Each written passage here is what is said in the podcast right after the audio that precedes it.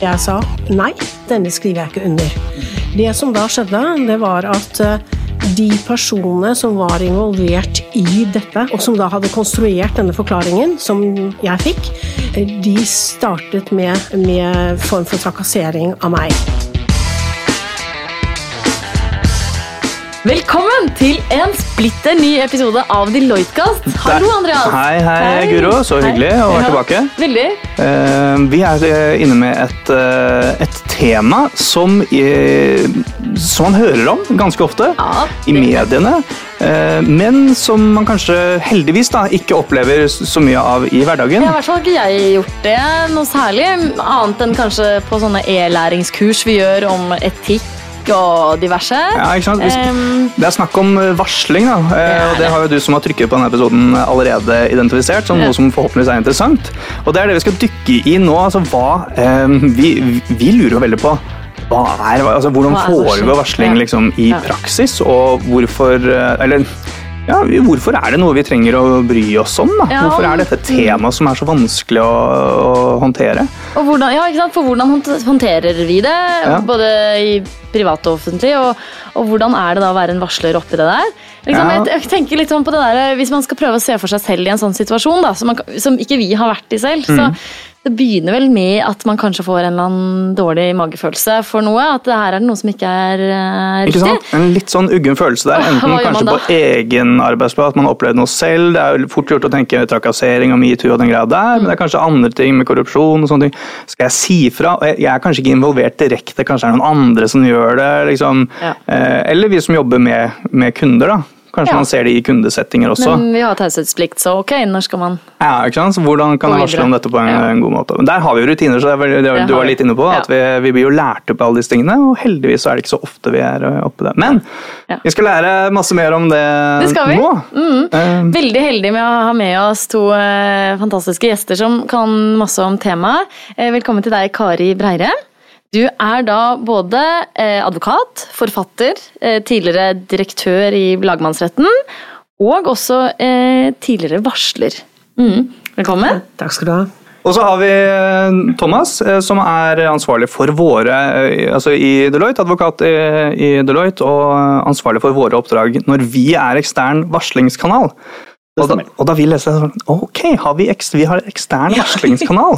Deloitte, er, så det må vi høre litt mer om. Eh, og du jobber da i den avdelingen som heter Forensics-avdelingen. i, eh, som egentlig er granskning. Uh, det er det det Kan oversettes med det. ja. Forensics, er det engelsk, eller? Ja, ja, ja, ja, ja, men, eh. Nei, men vi, vi er litt der, så vi skal stille alle de dumme spørsmålene i dag. Um, men du har også jobbet med det å, å egentlig utforme hvordan, hvordan varsling kan skje på en god måte.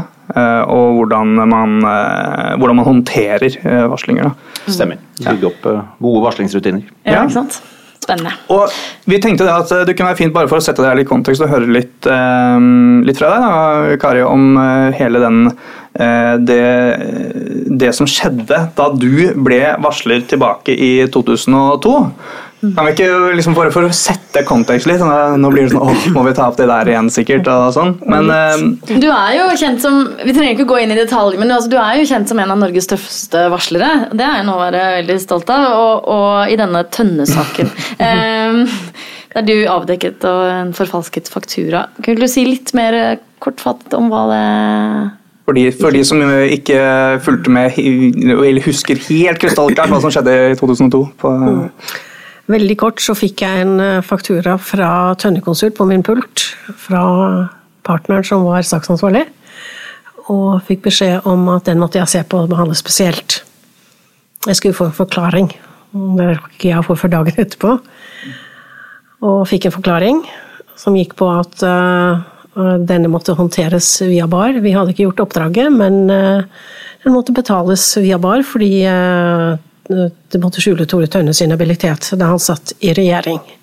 Riktig. Og var, var advokatselskapet som du jobbet i da? Ja, jeg var direktør i det selskapet, og det var en så en så skulle- stor faktura at den måtte gå via Du skulle godkjenne denne Jeg skulle godkjenne denne fakturaen.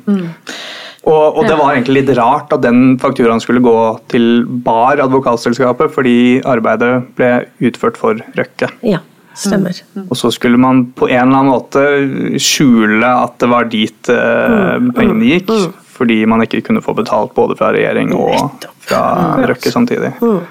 Det, hvordan, hva opplevde du, bare sånn at vi skjønner liksom hva som For hva skjer da når du, når du varsler om dette her? Det som skjer, det er at jeg blir utsatt jeg skjønte, For å være helt ærlig, jeg skjønte ikke at jeg varslet. Nei. nei. Eh, Det var jo ikke noe varsling på dagsordenen. Jeg bare sa fra at vi kan ikke gjøre det sånn. Altså, jeg blåste vel, for å være helt ærlig, i om Tønne fikk sine penger. Det hadde ikke jeg noe med, men jeg ville ikke at det firmaet som jeg var en del av, og som jeg var glad i, og som det var veldig mange flotte mennesker i, skulle ta del i det jeg, når jeg undersøkte saken, så var hvitvasking. Jeg ville heller ikke være del i et, et krim, noe kriminelt selv. Så derfor var det jeg sa nei, denne skriver jeg ikke under. Det som da skjedde, det var at eh, de personene som var involvert i dette med rundt Kjell Inge Røkke, eh, eh, og som da hadde konstruert denne forklaringen, som jeg fikk, det, de startet med, eh, med form for trakassering av meg. Jeg skjønte ikke hvorfor. Eh, Jeg hadde to-tre måneder før fått et brev der de var glitrende fornøyd med måten jeg styrte på. Eh, Jeg husker spesielt en setning som gikk på at eh, du venter alltid med din lønn til alle andres lønn er avtalt, og så her opptrer du som en leder. Ikke sant? Så jeg var jo der hvor jeg tenkte altså, og I ettertid så tror jeg faktisk at det var sånn at de ga meg den forklaringen for de trodde jeg var en av gutta. Ikke sant? De, de åpnet for, for dette. Eh, og så var jeg ikke jeg en av gutta akkurat på det. Mm. Eh, og dermed så, så, så smalt det. Og alt jeg gjorde var feil. Eh, men den var inni i den lille boblen mellom fire partnere. Mm. og ikke noe annet. Den gikk ikke ut. Jeg opptrådte som helt normalt. Det var jeg nødt til å gjøre. Eh, men, eh, men jeg var også nødt til å få tak i i advokat. Eh, Det skjønte jeg jo etter hvert som presset kom. Eh, Og, da, eh, og det er litt interessant, fordi da søkte jeg kunne jo ikke gå til noen av advokatene jeg kjente. Ikke, ikke i Wiersholm, ikke i Vikborg, ikke Thommessen, ingen steder. Jeg måtte, jeg måtte finne og det er, ikke, det, er ikke, det er ikke vondt ment dette med at jeg måtte finne en bakgårdsadvokat, rett og slett. Altså en som ikke var kjent i dette miljøet. Ja. Og så tenkte jeg, hva gjør jeg nå? Eh, Så kjente jeg en advokat Vi har, hytte, har på Skjærhallen på Hvaler, og jeg kjente en advokat der som tidligere var LO-advokat og tidligere statssekretær, som jeg ble kjent med når vi satt og leste aviser utenfor bakeren. det hørtes herlig ut å sitte nede på Hvaler og lese aviser utenfor bakeren! Det ser jeg for Ja, det var helt herlig. oi, oi. Og så, så tenkte jeg eh, Men så tenkte jeg kanskje jeg skal google og se om jeg finner noen som, med arbeidsrett som kan whistleblowing. Det var ikke én. Det var ikke én som kunne, eh, kunne dette som spesiale. Hvorfor forteller jeg det? Jo, Altså er varslingssak som? Ja. Ja, for varslingssak, whistleblower-varslingssak. Men eh, da, jeg, da denne saken da hadde vært rullet ut og kommet på våren, så googlet jeg for moro skyld. Og det haglet det med advokater som var ekspert på dette. Ja, så viser jo plutselig så advokatene en, et mulig inntjeningsgreie. Og, de, er jo, og de, de var jo nødt til å lese seg opp på dette, for det var jo ikke en diskusjon i Norge dette før denne saken her. Så og kort og godt så mm, Når var det du begynte å jobbe med varsling og sånt, Thomas? Var det rundt eh, 2002? da? Ja, ja. 2002 var jeg helt fersk ja. advokatfullmektig, ja. så jeg husker jo saken veldig godt. Mm. For jeg hadde jo akkurat begynt eh, å jobbe. Mm. Så, så den opptok jo både meg og mine, mine kullinger. eh, Var, eh, så den fulgte vi, fulgte vi fra jeg skal ikke si fra dag til dag, men, men det, det var jo mye dramatikk i den eh, perioden. Jeg var livredd for at du skulle si at vi måtte finne en bakromsadvokat, nei, bakgårdsadvokat, og så var det Deloitte. Altså. Det hadde vært helt ja. Men bare siste ting før vi går videre fra saken, Kari. Hvis du tenker nå tilbake på det, hva var det som overrasket deg mest med måten arbeidsgiveren, arbeidsgiveren din håndterte det på? Det overrasket meg reaksjonen, eh, fordi jeg var oppdratt i departementet på at jeg til og med skulle sende tilbake en røkelaks jeg fikk ikke sant, i julegave. Altså jeg var vant til og oppdratt til at her Gaver og smøring Ja, og korrupsjon. Liksom tegn og var vant til til at ledelsen, i hvert fall den gangen i departementet, var sånn at sånn skulle det være. Ikke sant? eh, og i Kommune-Norge, som jeg hadde erfaring fra før. Sånn at Det som overrasket meg, det var at man ikke lyttet til det jeg sa. Og at man eh, ikke kunne finne andre metoder å gjøre dette på enn den metoden man hadde til da funnet ut. Eh, så, så, så det, det, overrasket meg. Eh, det er ikke det at jeg hadde trodd jeg skulle få en klapp på skulderen, men, men at den ble håndtert på en normal eh, arbeidsrettslig måte, for å si det sånn. Jeg hadde sagt fra ferdig med det, vi fortsatte i samme sporet som vi hadde gjort tidligere. Så akkurat det overrasket meg veldig. Mm. Mm. Jeg lurer på, Hvis vi skal liksom fortsette litt nå, nå føler jeg at jeg har forstått litt mer av liksom hva en, en varslingssak eh, egentlig handler om. Og Da kan det være at eh, i etterkant av en sånn varsling så må man ha en granskning. Er ikke det sånn? For å finne ut av hva som egentlig skjedde. Varslingen i seg selv er jo bare utgangspunktet. Ikke sant? Eh, og så må man jo se nærmere på hva det egentlig handler om. Om det er et eh, ja, om det handler om korrupsjon, hvitvasking, mm. Eh, mobbing, trakassering, som man kanskje har vært ja. veldig mye fokus på det, det siste. Ja. Eh, Metoo, ja. Mm. ja, me ja mm. Så, så man, må jo, man, må jo, begynne et sted, og, mm. så må man jo jobbe seg gjennom det og finne ut av hvordan man eh, skal håndtere det. Så en granskning eller faktaundersøkelser, hva er forskjellen? og hva, vil, hva er det egentlig? Begge deler er jo undersøkelser. Ja, ja. Eh, vi pleier å si at uh, først må du finne ut av fakta, før du kan finne ut av hva du, hva du skal gjøre med det. Og, ja. og, For da det kommer det med en liksom 'dette skjedde' og, og Årsaker og sånn. Årsak, og så en anbefaling om hvordan man Ja, så en, så en gransking er jo, er jo, gjerne en faktaundersøkelse med en, kanskje en vurdering i forhold til hva er konsekvensene for de som er involvert. Er det brudd på retningslinjer, konstateres det, mm. lover, regler. Eh, er det noen som kan ansvarliggjøres? Mm. Mm. Og av og til også så går man jo helt inn til å gi råd om hvordan man kan eh, gjøre det annerledes videre. Mm. Og Du jobber jo med varslingskanaler. Hva er egentlig en varslingskanal? En varslingskanal er jo det som man så fint etter hvert med, med loven har fått eh, etablert. Ja. At det er en plikt i, i, virksomheter eh, at man skal ha en, eh, en kanal, kanal hvor, hvor, ansatte kan eh, melde sine bekymringer. Og Det er type en mailadresse, eller er det Det kan være system? mailadresse, hotline. ja, ringer, det kan være brev. Mm. Men, men, moderne løsninger nå har jo elektroniske online løsninger for å, for å også sørge for anonymitet. Mm. Som jo er et sentralt tema i, i mange, mange ja vars, varsler. Og det må gå til en tredjepart, eller? eller? Nei. Noen ganger så er det eksternt, sånn som ja. vi gjør, hjelper eh, virksomheter med. Mm. Både private og offentlige. Og noen ganger så er det internt. Noen ja. velger å holde den kanalen internt. Selv om det kanskje ikke føles like trygt. Da. Ja. For det er det som er poenget, at Hvis det skjer noe med meg, så, så er det lettere for meg å gå uh, eksternt. Og kanskje spesielt til et advokatselskap på en måte, som kan se objektivt på det og liksom ja. Vurdere det derfra. Mm. Terskelen er kanskje litt lavere. Jeg vet ikke hva du tenker bare på det? Om det er eksternt eller internt? jeg tror at eh, for de fleste varslere så vil de være redde hvis de tar det internt. De mm. ønsker å ta en ekstern kanal, for de har de, i hvert fall en oppfatning av at det er mer habilt, mm. og at de kan bli hørt uten å at det får noen konsekvenser umiddelbart for arbeidssituasjonen. I mm. hvert fall slik eh, varslingsinstituttet har utviklet seg i Norge de senere årene. Nettopp.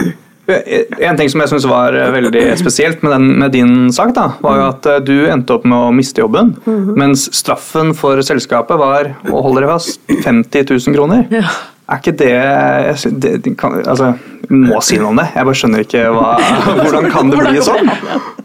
Og, fordi dette henger jo kanskje litt sammen med hvordan man eh, altså Hvordan varslerne også blir beskyttet her, eh, på en måte. da, Er det ikke det? Jeg har gjort meg mange tanker rundt de 50 000 i bot, det må jeg bare, ja. bare si. Ja, eh, jeg, eh, jeg, holdt et foredrag her for ikke så lenge siden, nå tar jeg vel kanskje ikke sjans når jeg sier dette her på podkast, men, eh, men, da holdt jeg foredraget om lønner korrupsjon seg? Ja, ikke sant? Oi, ja. Og da konkluderte jeg med å svare på spørsmålet og slutten av foredraget ved å si følgende Øyvind Eriksen er nå direktør i, i Aker Solution. Han fikk 50 000 i bot. Han hadde et intervju i DN bare et par dager før jeg holdt det foredraget. Han hadde en formidabel millionlønn, dobbeltsifret. Det var uten eh, bonuser og den type ting. Så ja, jeg tror det lønner seg. Og det var altså han, for de som ikke vet det, han var, Det var lederen i- lederen i bar. Nei, Nei, han var den uh, partneren som hadde ansvar for den saken eh, i, i bar. Ja. Dere har vel sikkert her også klientansvarlig og saksansvarlig. Ja, nei, men det er en tanke, er ut- utrolig spennende. Men Ja. kan vi, kan vi eh, dykke litt i dette med For en ting vi oppdaget da vi gjorde litt eh, research på det, var jo sånn etter hvert at eh, å ja, det er egentlig det er forskjell på det private og det offentlige her når det gjelder varsling. Kan dere si litt om det? Hva er det som er så Ja, forskjellen her? Eh, Dette har jeg grublet veldig over hvorfor det har blitt sånn. Fordi jeg har jo lang erfaring fra offentlig sektor. Og jobbet nær den politiske ledelse i departementet, Kommunaldepartementet i mange år. Og jeg opplevde at vi kunne snakke åpent med både politisk ledelse og ledelse oppover. Vi kunne melde fram ting, og det, det gikk veldig greit. Eh, Nå er det ikke slik, og jeg lurer på om det er noe innføring av New Public Management i offentlig sektor som gjør at man får en annen, et annet system og en annen struktur. At det nærmer seg det private et eller annet vis, liksom? Nei, nei, man bruker private virkemidler som, som man kan til en viss grad si New Public Management er på offentlig sektor, og det er Ja. ikke sikkert at det passer i offentlig sektor. Nei, det handler om hvordan man blir målt, ikke sant? og Ja, at man står ansvarlig for sin linje og sin gruppe Ja, og enhet, og jeg må beskytte mitt. på en måte, og Hvis noen kommer og sier at jeg gjør det på feil måte, så risikerer jeg hele min posisjon. på en måte. Ja, ja.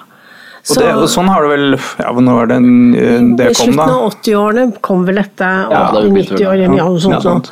Og da, da skjedde det noe Mm. i offentlig sektor. Og jeg tror eh, det skaper mye, pro, eh, mye frustrasjon. Mm. Eh, og, og det vi ser også, det er at det varsles mye i helsesektoren. Og det har noe med foretaksmodellen og den altså, Tønne-foretaksmodellen, som gjør at eh, man stiller helt andre krav eh, enn pasientkrav sikkerhetskrav til leger og sykepleiere, som gjør situasjonen vanskelig, og som gjør at de da varsler om det de mener er, er ikke god pasientbehandling. Mm. Sier du at strukturen er på en måte det er lettere eller er, i en helsesetting fordi du ikke har den linjeorganisasjonen? liksom? Det det Nei, nei, jeg sier at det er samme varslingsgraden i helsesektoren Ja.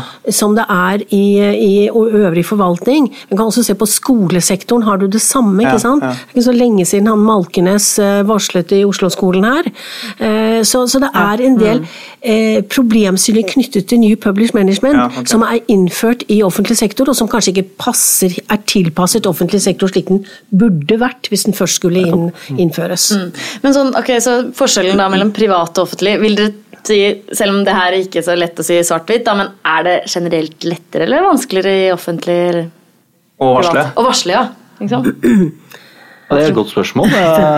Eh, Jeg vet ikke om det finnes noen god statistikk på det. Eh, Jeg jeg opplever jo at eh, jeg opplever at varsling, altså varslingskanal og institutt skal jo være på en måte en sikkerhetsventil. Eh, Og det er, det er jo litt sånn, Man glemmer jo det. at man skal jo, Det skal jo normalt kunne være mulig å snakke med leder eller Ja, ikke sant. Gå den veien først. Ja. kollega f- først. Og, og det er jo kanskje det du er inne på. det, Ja, at er den det, biten ja. er litt annerledes. Ja, den, er- den, den er litt annerledes, fordi tidligere så var det jo sånn at eh, du kunne gå til din nærmeste leder, og din nærmeste leder var kanskje ikke ansvarlig for det spesielle området, ikke sant? Eh, og, men nå er det slik at han, fått, han eller hun har fått et område han, er, han eller hun er ansvarlig for. Og hvis det da skjer noe på hennes eller hans vakt som da er kritikkverdig, så blir det sånn at den ofte tenker 'å, hva med meg nå?' Nå, dette må jeg får jeg ja. kritikk. Ikke sant? Ja, Og så blir man redd, og så, og så, og så trekker, man, eh, trekker man ikke de konklusjoner og gjør de undersøkelser som er nødvendig på det lavest mulige nivå. Men i det private, for da, da kan man vel også, hvis det kommer en varslingssak, da kan man vel si til den ansatte sånn nei, dette, eller komme til en enighet og tenke at dette skal vi ikke si noe om. Er du enig, og så betale en sum?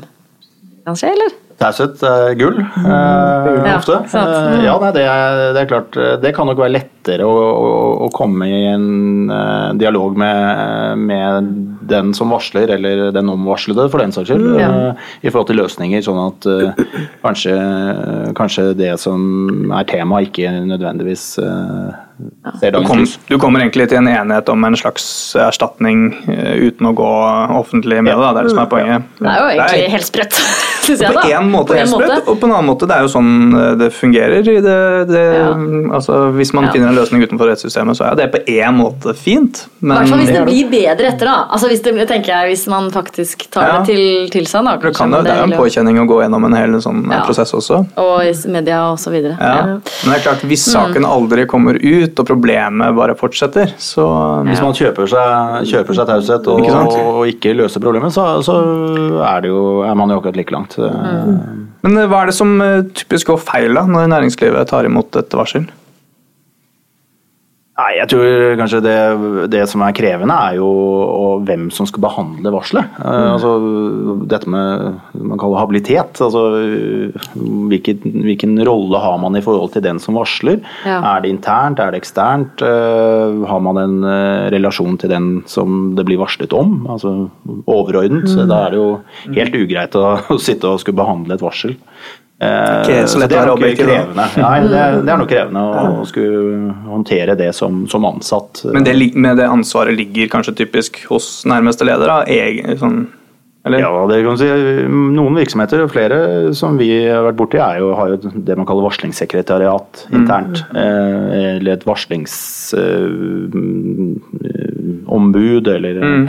som man skal kontakte. Men, men også der er det jo vanskelig, selv om man definerer dem som en egen rolle, så, så har de en relasjon til ja. de rundt seg. Hvis man ikke klarer å gjøre det anonymt, så, vet, så kjenner de liksom, som sitter i den. Ja. Så eh, Habilitetsproblematikken er veldig vanskelig. altså Norsk habilitetslovgivning er ikke god. Nei. Eh, Sånn at eh, det er veldig greit så lenge du er kusine og fetter og opp og nedad eh, søsken og, og sånt. Det er det liksom Og- klarhet i. da er Det er lett å tegne en strek og si dere. det dere. kommer inn til særegne forhold, som er ja. neste felt, Mm. det er da problemene eh, står til. Og da er det ofte sånn at selv om man rent objektivt mener at vet du hva, det er ikke inhabilitet her, så vil varsleren mene det uansett. Det føles sånn subjektivt, Ja, det føles så subjektivt, fordi man opplever det slik. Ja. Det er klart, Hvis det, kan, altså, hvis det er en, eh, en trakasseringssak på jobb, så er jo det kan være, det er flaut. Det kan jo være kjempeubehagelig å snakke om det. Ja, det er en felles Ja, leder, eller kanskje din, naboen din, ja. eh, Ikke sant? Så, så er det helt ugreit å, å skulle håndtere. Ja, ikke sant?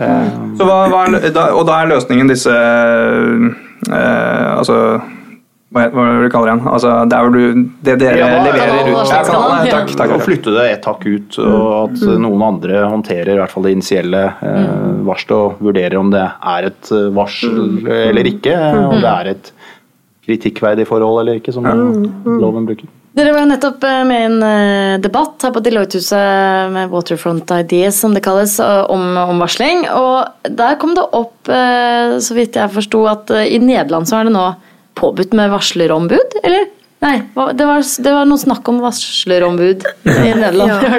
Nederland hadde veldig mange korrupsjonssaker en periode. Oh, ja. De sleit veldig. Eh, Og da ble arbeidsgiver og arbeidstaker enige om at noe må gjøres. Så de eh, etablerte da et prøveprosjekt hvor eh, det ble etablert- etablert et styre, og det eh, ble underlagt eh, Innenriksdepartementet, men allikevel uavhengig. Og de holdt på i ca. ett år. Skrev sin første årsrapport, og i den årsrapporten så var det, anbefalte de sterkt at dette måtte fortsette som å gjøres til permanent nederlandsk lov. Og det var masse frem og tilbake og ut og inn og opp og ned, men de, de, det ble nederlandsk lov sommeren eh, 2016. Da eh, vedtok de eh, Act of Whistleblowing, eh, og med eh, Whistleblowing House i tillegg. Ja. Eh, og det har vist seg Jeg syns det er litt interessant altså Jeg har jo hele tiden jobbet for en såkalt varslingsenhet, et sted å gå hvor både omvarslet og varsler blir ivaretatt. Hva kalte du det? Varslings... Varslingsenhet, eller hva jeg skal kalle det. ikke ikke sant. sant? Hvor, hvor eh, både omvarslet og varsler blir ivaretatt, eh, og stiller krav til varsleren osv. Eh, Så jeg tenkte å gud, har de stjålet ideen min? Men i hvert fall er det sånn nå at de har eh, et, det er et fysisk hus i Amsterdam hvor, de, eh, hvor varsleren kommer med sitt varsel. Så er det tette skott mellom de som tar imot varselet og de som undersøker varselet.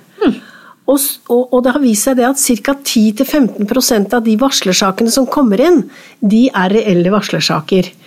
Eh, og med en sånn, eh, hva skal du si, en ikke offentlig enhet, videre, så, så vil man beskytte, mener jeg, både varslere og omvarslet. Altså, eh, og, De som man rapporterer, liksom. ja, og dermed så vil man få en eh, Det er jo stygt å si en utsilingsmekanisme, men det er faktisk man kan bruke ressursene på de reelle sakene. De kan gå til Økokrim, de kan gå til andre steder hvor det er Der hvor det er nødvendig ekte at de går. korrus- korrupsjon og ja, liksom ikke sant? Men hva, hva er det de andre 90 siling, da. Nei, for Det er litt viktig, altså, det tror jeg det er inne på et veldig viktig poeng. her, Kari, for det, som Når vi er eh, ekstern varslingskanal, så får vi jo en del eh, varsler inn. Eh, eh, og, og langt fra alle er eh, varsler etter, etter loven. Det Ja, er, ikke sant. eh, det, er, det er mye rart der også. Hva er, som er sånne rare ting som kommer da? For eksempel, hva er det liksom folk tror kan være en Nei, det er jo veldig mye relatert til eget arbeidsforhold, ofte. Som Ja. handler om at man kanskje er misfornøyd med sjefen. Og, oh, ja, sånn, ja. og av og til så er jo sjefen ikke bra, men av og til så er, så er er jo ikke klart. arbeidstakeren heller bra. Nei? Men at man føler seg urettferdig behandlet på en eller annen urettferdig Men hva sjekker dere da? Altså Tar dere kontakt med den altså Hva kalte du det? Omvarsleren? Motvarsleren? Nei, altså den eh, andre Ja, da må man jo undersøke. Må man jo se, se på hvem som er involvert, og Ja. hvor man kan belyse utrolig- saken. Er ikke det nesten umulig å gjøre det å holde personen anonym i sånne saker da? Hvis, hvis jeg varsler om at jeg blir Ja, det kommer på mange personer den lederen leder, da. Noen ganger er det helt umulig å, Ja. å, å opprettholde anonymitet. Eh, Mm. Det sier seg selv med en gang du tar opp temaet. Eh, Mens i andre sammenhenger så er det jo mm, kurant. Men da kan den varsleren på en måte spare litt grann med dere først, da. Og kanskje liksom diskutere litt, og da finne ut å nei, kanskje jeg velger å ikke gå videre med dette. Ja. Er det det som kan skje? Ja. Mm. Det er jo veldig nyttig, da. Vi må, vi må inn på uh, Det er, det er noe Eh, nytt. Også bare for Ja. å avgjøre- bare for å fullføre i forhold til eh, denne, en sånn varslingsenhet. Jeg, Ja. jeg er enig i at det vil kunne være veldig gunstig i forhold til en, å sikre en ordentlig behandling. Eh, Det jeg er litt bekymret for der, er jo saksbehandlingstiden. Eh, Ja. Det er jo jeg redd for, fordi man risikerer jo da plutselig å få veldig lang saksbehandlingstid. Hvis man ser på Sivilombudsmannen, da, bare sånn parallell, så, så blir jo de, de involverte risikerer å stå ganske lenge i en situa uavklart situasjon. Ja. Så det, Da må man i hvert fall ha det klart for øyet, tror jeg. Ja, ikke sant, og det Med kan en- være veldig en sånn enhet. Ja, Hvor lang er egentlig sak, sak, saksbehandlingstiden hos Nei, det kommer jo an på. men ja, er. Normalt alt- altfor lang. Ja. Men hos dere, da? Vi, har, eh, vi snakker om timer. Ja. Å, yes. ok, ok, vi snakker om timer. Men, noen- noen eh, men ja, du var jo så vidt inne på det litt tidligere her, eh, Thomas, om den ny lov som kommer. Eller det vil si en ny del av arbeidsmiljøloven? Ja, det en ny er, paragraf? Ja. ja. Noen justeringer. Det er Justering, tror jeg. Jeg var på et foredrag med, med noen fra utvalget som presenterte dette, og de kalte det vel nye regler, gamle dilemmaer. Jeg tror, eh, den, eh, jeg tror lovendringene ble langt fra så mm, revolusjonerende som eh, utvalget gikk inn for. Eh, Det var noen okay. eksempler Jeg er jo ikke noen advokat, men jeg så at det var noen eksempler som har blitt lagt til, sånn at man skjønner det, skulle skal bli mindre tolkning der. Er det noe, hva, kan dere bare si litt om hva er det dette her kan bety? da? Jeg, jeg, jeg tror for å være vi helt kan si ærlig Hva var hensikten, og hva tror dere det kommer til å bety? Ja, hensikten var nok at man skulle gi eh, altså Mandatet var at det skulle bli et bedre reelt varslervern. Men, men I eh, den betydningen av at varsleren skal bli bedre beskyttet. Ja, og og, også, vi var jo inne på dette på, på dette seminaret nå, om, om omvarslet også. Og jeg har hele Ja. tiden vært veldig opptatt av omvarslet også, jeg, for det, jeg mener det er ganske Ja, tungt ja, å bli varslet mot. Og Sånn bli mistenkeliggjort Ja, når å det bli kan- mistenkeliggjort og så. Så, så, så, jeg har, jeg mener at eh, vi må ha det for øye hele, hele tiden. Det har nok utvalget eh, gått litt lett over, syns jeg. Selv om de har, eh, har kommentert det. Men, men, utvalget har gjort en grundig jobb i forhold til varslerombud. Og, og, en egen varslerlov som på en måte blir en ikke med lovbestemmelse, for de skal stå i arbeidsmiljøloven, men en mer sånn sette varsling på kartet og gi det en legitimitetslov. Ok. Ja, uten at det, altså mer sånne hva er heter det er et forsøk på å klargjøre litt. Ja, ja. Eh, Litt sånn bevisstgjøring. Hva, hva er det man kaller kritikkverdige for, uh, forhold? Ja. Altså, det, det har vært litt ullent. Ja, ja. Eh, og så har man prøvd å eksemplifisere, og det er jo på ingen måte utømmende, men, men det er i hvert fall tydeliggjøre hva man har i, i, det, i tankene. Da, og, og også i forhold til dette med fremgangsmåte. Og det syns jeg, Ja. det synes jeg, det synes jeg er positivt, med Ja. eh, at man nå pålegger eh. Fremgangsmåte i måten man I, varsler. behand i, behandling, ja. Og det, tror- det syns jeg er veldig viktig at eh, arbeidsgiver nå på en måte har en oppfordring eh, og en plikt til å, Ja. å håndtere disse på en god måte. Eh, det, og det er litt nytt, for så vidt. Ja, men det, og samtidig så er det jo sånn at i min verden er det sånn at når du har varslet, så har du varslet. Da har ikke du noe med å på noen måte blande deg inn i hvordan arbeidsgiver håndterer det varselet. Arbeidsgiver kan la være å håndtere det, eh, men han skal ikke gjengjelde deg. Fordi du kom fra seg. Det, det er på en måte kjernen i min varslingsvurdering. Eh, om arbeidsgiver da velger å ikke gjøre noe og la dette rulle, så blir det mer et enten, problem enten for virksomheten, som på et eller annet tidspunkt kan møte veggen, eller for offentlig sektor, et samfunnsproblem. Så, så, og det er der kanskje en god del varslere ikke gir seg, og som gjør at sakene eskalerer. Det er, De er veldig klar på at hva skjer med varselet, hvordan vil dette bli håndtert. Eh, Og, eh, og det tror jeg altså, for, å, for å ta min sak, jeg hadde, selv om altså, ha, Jeg hadde ikke noe med om eh, det ble utbetalt fra advokatfirmaet eh, et beløp, så lenge jeg så at det ble gjort på en redelig, ordentlig og ryddig måte. Men det gjorde det ikke, og det er der kanskje man bør se, se litt på det. Men, men eh, ja. Men, men bare en endring, siden du er inne på det, Andreas, er jo som, i hvert fall, det, en klargjøring og en utvidelse er jo at man nå har omfattet flere. Eh, man har elever, eh, og du nevnte jo Ah, helsesektoren. Men Pasienter er jo nå også omfattet av, av dette regelverket. Eh, og vernepliktig, eh, tjenestepliktig også. Eh, og det er jo for så vidt veldig bra. Ikke sant? Du må ikke være ansatt for å være en varsler. Er, du kan være en elev mot lærer eller mot skoleledelse. Eller. Ok, ja, det, de, de er nå omfattet av regelverket. Og så er det jo etter hvert ganske mange virksomheter som også eh, har åpnet for eksterne varsler, altså varsler fra utenforstående. Det kan være kunder, eh, Ja. brukere eh, osv. Eh, som også da behandles i henhold til noen rutiner. så, ja. så noen går jo lenger enn det loven eh, sier. Ja. Eller hvis man som, ja, som ja, konsulent, en tredjepart, liksom. Ja, Det ja, ikke sant? ja, Mm. ja, eller Jeg lurer på om vi, vi skulle gått litt sånn for tiden begynner å eh, renne etter hvert. Eh, Du har skrevet en eh, bok, eh, Kari. Ja. Eh, Remme rett og hindre urett. Ja, fremme rett og hindre urett. Så eh, tittel. du, du knuser myten om at eh, Norge er et fritt og, og egalitært samfunn, står det her i mine notater. Ja, hvor, um, hvor samme rettssikkerhet gjelder alle. Altså, hva, hva betyr det? Uh, Hva er bekymringen din? Ja, hva er bekymringen? Jeg et lite, liten tilbakeblikk Når jeg tok eh, juridisk MS-eksamen, så hadde vi eh, rettsvitenskap, ikke sant? Eh, og det hadde jo sikkert dere òg, Ja, ja, ja. dere tok mye seinere enn meg. Så eh, var eh, fri rettshjelpordningen omtrent på samme nivå som den er i dag.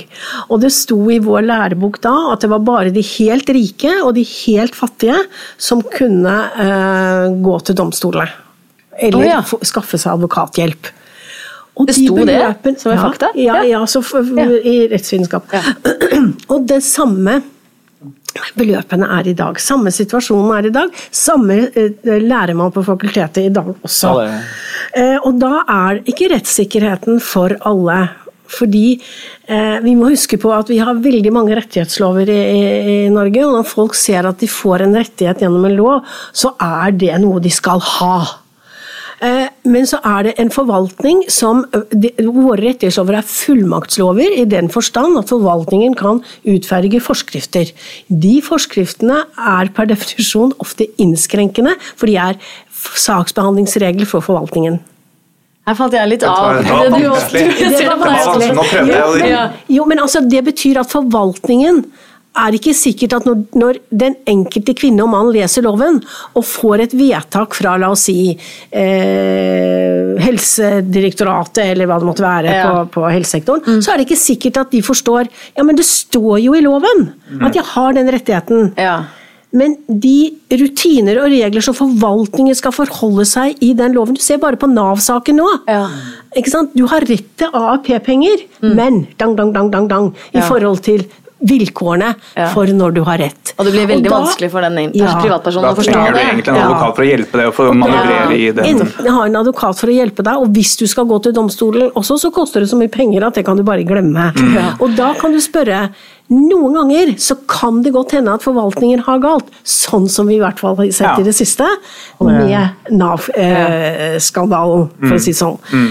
Eh, og da er det jeg tenker at det er ikke det er noe fundamentalt galt med så, så, På samme måte som vi har liksom helse, fri helse til alle, så burde vi ha fri advokat til alle, liksom? Nei, det er ikke egentlig det jeg mener, men vi, vi bør kanskje eh, i hvert fall eh, myke litt opp på, på, på, de reglene vi har i dag. Og nå er det jo nedsatt et utvalg som skal se på dette, mm. så det kommer vel noe om ikke så lenge. Men det, men det jeg ikke skjønner, er det regler på det? Jeg skjønner ikke, det, jeg kan skjønne det er regler på alt. At det, ja, det, det, kan jeg tenke meg. Men jeg, jeg, jeg, skjønner at det er dyrt, og at de rikeste har ikke sant, og, og, at de fattigste de blir tildelt en advokat. Men, men hva er disse reglene? Eller er det det? Nei, nei, nei, okay. Hvorfor har de fattigste Hvorfor har du sitatet det? Nei, det er mange, det er mange grunner til det, og Kari er inne på en av det. er at man ikke har justert eh, beløpsbegrensningene i forhold til fri rettshjelpsnivå. Altså når du, når du kvalifiserer inntektsgrensen i forhold, forhold, til når du kvalifiserer for fri rettshjelp. Oh, ja. Den har jo stått eh, nærmest stille i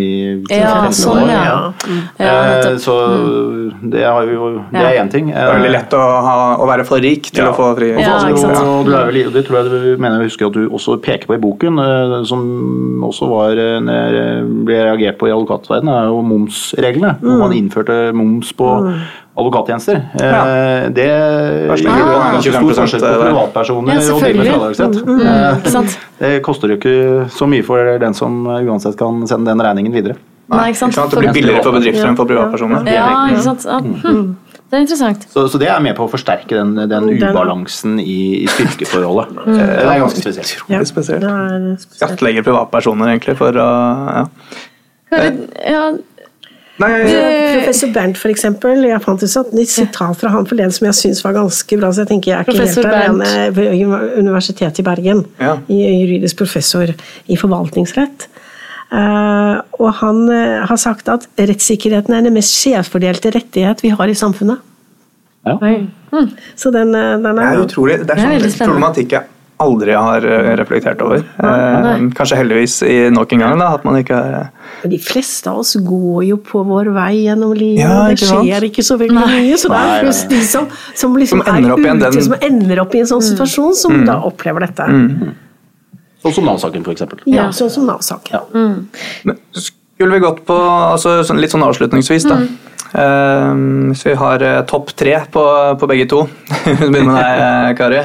Hva hvis du var statsminister? Å, herregud. Hva var de tre tingene du hadde gjort for å styrke varslernes vern? Ja, For det første så hadde jeg jo innført uh, uh, et varslerhus. Et varslerhus, ja. Hvor skulle det huset stått? Midt på Rådhusplassen. Det er en utfordring i dette lange landet. Men vi kan vel ta det her, Deloitte-huset.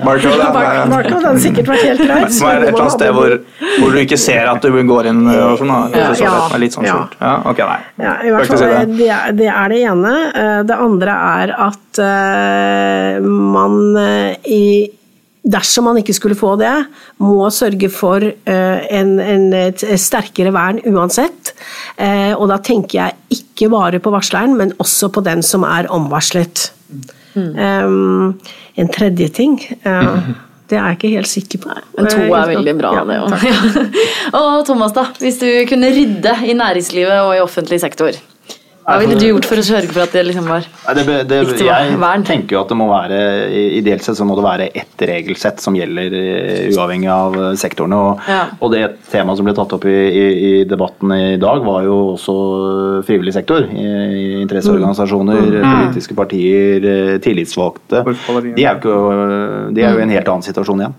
Så, så det, her tenker jeg at man burde først og fremst ha et enhetlig eh, system for å, for å sikre likhet for loven, for å si det litt sånn mm. sjablongmessig. Eh, så, så det tror jeg må være et utgangspunkt. Eh, og så tenker jeg at eh, eh, ja, for å eh, håndtere det likere, jeg, tenker at man må ha de samme rutinene. Eh, Da er vi inne på dette med at man har noen etablerte organer, om de skal være offentlige eller private, eller hvordan man skal organisere det, men i hvert fall at det organiseres likt. Det tror jeg må være også en, en forutsetning for å kunne eh, praktisere det likt. Og så har jeg et spørsmål til jeg, Ja. før vi avslutter. Og det er hvis man sitter der ute og har hørt på denne episoden nå fordi man tenker at jeg, jeg sitter på en eller annen sak, eh, jeg, jeg, har, jeg har sett noe eller har opplevd noe, jeg kunne kanskje tenkt meg å si fra til noen. Hva, er rådet deres til, eh, til den personen der ute? Hva gjør man? Jeg syns det er veldig vanskelig i varslingssaker, fordi at eh, det er fra et personlig ståsted. og ut, Du må se på hvordan er min økonomi, klarer jeg å stå igjennom en sak? Eh, hvordan er, hvordan er eh, s, s, familie, vennekretsen, har jeg noen rundt, meg? Nettverk. Eh, hvordan er kulturen i, i virksomheten jeg jobber? Er det et ytringsklima, Ja, er ytringsklima eller er det ikke det? Altså, det er- Hvordan vil jeg bli ja, hvordan sett på eller ivaretatt. Eh, Er det bedre å holde kjeft og finne seg en annen jobb, eller eh, altså, Så du setter rett og slett opp en vurdering av egen situasjon, en pro et kontralist i forhold til det. Eh, tror jeg at uh, jeg ville ha Eh, Ja, men det var da. fine Jeg har lyst råd. til å si at uh, kanskje man skulle hvis, hvis man har noen, er jo å snakke med noen før man eh, går videre. Altså, hvis man har noen fortrolig, så prøve å lufte det, om det er en kollega man stoler på, eller en venn, eller noen. Bare for å, å føle seg frem. Er dette, Er dette normalt, liksom? Ja. Eller, eh, litt. Får noen spørsmål tilbake, liksom. Ja. Ja, og, og ikke minst også kanskje få bekreftelse eh, Ja. og få støtte. Yes. Eh, at for, og, for det er også viktig. Ja, ikke sant? Og kanskje en som vil si 'dette skal jeg støtte deg gjennom', og 'dette vil du komme deg gjennom'. Ja, ikke sant? Mm. Det blir spennende. Åh, det, Dette var gøy, altså. Ja, det Det var altså- kjempespennende. Det syns jeg åpnet opp eh, mange nye spørsmål vi hadde lyst til å stille. Vi skal definitivt ha flere advokater på denne podkasten. ja. Vi har snakket om eh, mye i dag. Vi har snakket om noe jeg ikke hadde trodd vi skulle snakke om, om, om korrupsjon. Egentlig kanskje kan lønne seg. Ja. Snakket om at for noen så kan eh, taushet være gull.